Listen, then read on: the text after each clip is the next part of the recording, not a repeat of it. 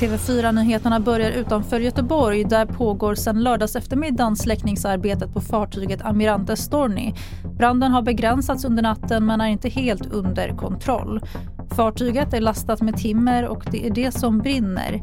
Kvar på båten finns de 17 besättningsmän som arbetar på båten. Och ett av Kustbevakningens största fartyg, Poseidon, har nu anslutit till räddningsarbetet. Det rapporterar Aftonbladet.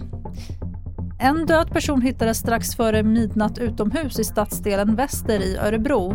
Det hela utreds som mord alternativt dråp eftersom det enligt polisen finns omständigheter som gör att man inte kan utesluta brott. Polisen vill nu ha tips från allmänheten. Och tillbaks till Göteborg. Där hittade polisen under lördagskvällen ett explosivt föremål och ett vapen i ett flerfamiljshus i Hisingen. Föremålen ska inte ha hittats i bostaden utan i ett utrymme i byggnaden. Exakt vad det rör sig om är ännu inte känt. En förundersökning om grovt vapenbrott och förberedelse till allmänfarlig ödeläggelse har inletts men ingen är ännu gripen. Fler nyheter hittar du i TV4 Nyheternas app.